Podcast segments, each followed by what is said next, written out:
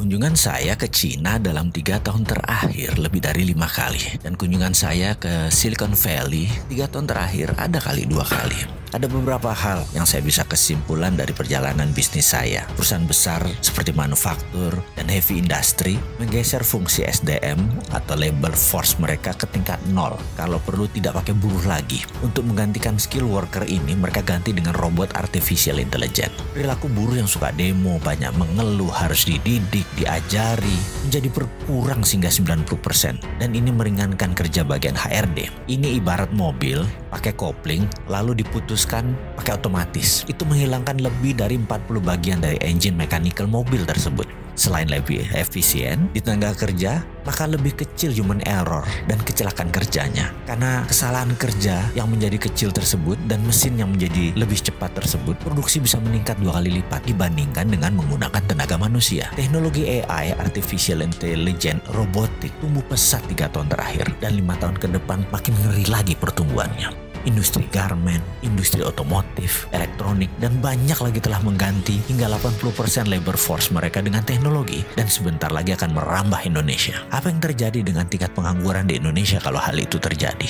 Hal ini cukup menjadi perenungan buat kita semua. Kepala kita langsung berkalkulasi, buat perhitungan karena tiga tahun yang lalu industri robotik ini belum secanggih sekarang, apalagi ditambah dengan 5G. Ke depan jika ada 5G, robotik akan semakin maju pesat. Bagi perusahaan, walau lebih mahal sedikit investasinya atau kira-kira naik 20% dengan menggunakan robotik, namun karena perilaku manusia modern yang ribet cara berpikirnya, complicated, banyak ngeluhnya, banyak perusahaan besar menganggap lebih baik tidak pakai manusia modern yang terlalu banyak informasi di kepalanya. Pendapat saya rasanya pribadi ya, pendapat saya pribadi, 50% manufaktur di Indonesia dalam tiga tahun ke depan akan menggantikan semua dengan mesin. Indikasinya, sekarang semua manufaktur besar yang ada sistem mekaniknya pasti akan dirobotkan. Pengangguran pasti meningkat tajam. Dan bagi perusahaan besar, nggak peduli. Yang penting margin keuntungannya bagus dan bisnis berjaya. Lalu apa yang terjadi dengan SDM tersebut? Tersebut, ya pengangguran lah pasti di mana-mana. Sebenarnya ada nggak sih yang mikirin solusinya ke depan bagaimana?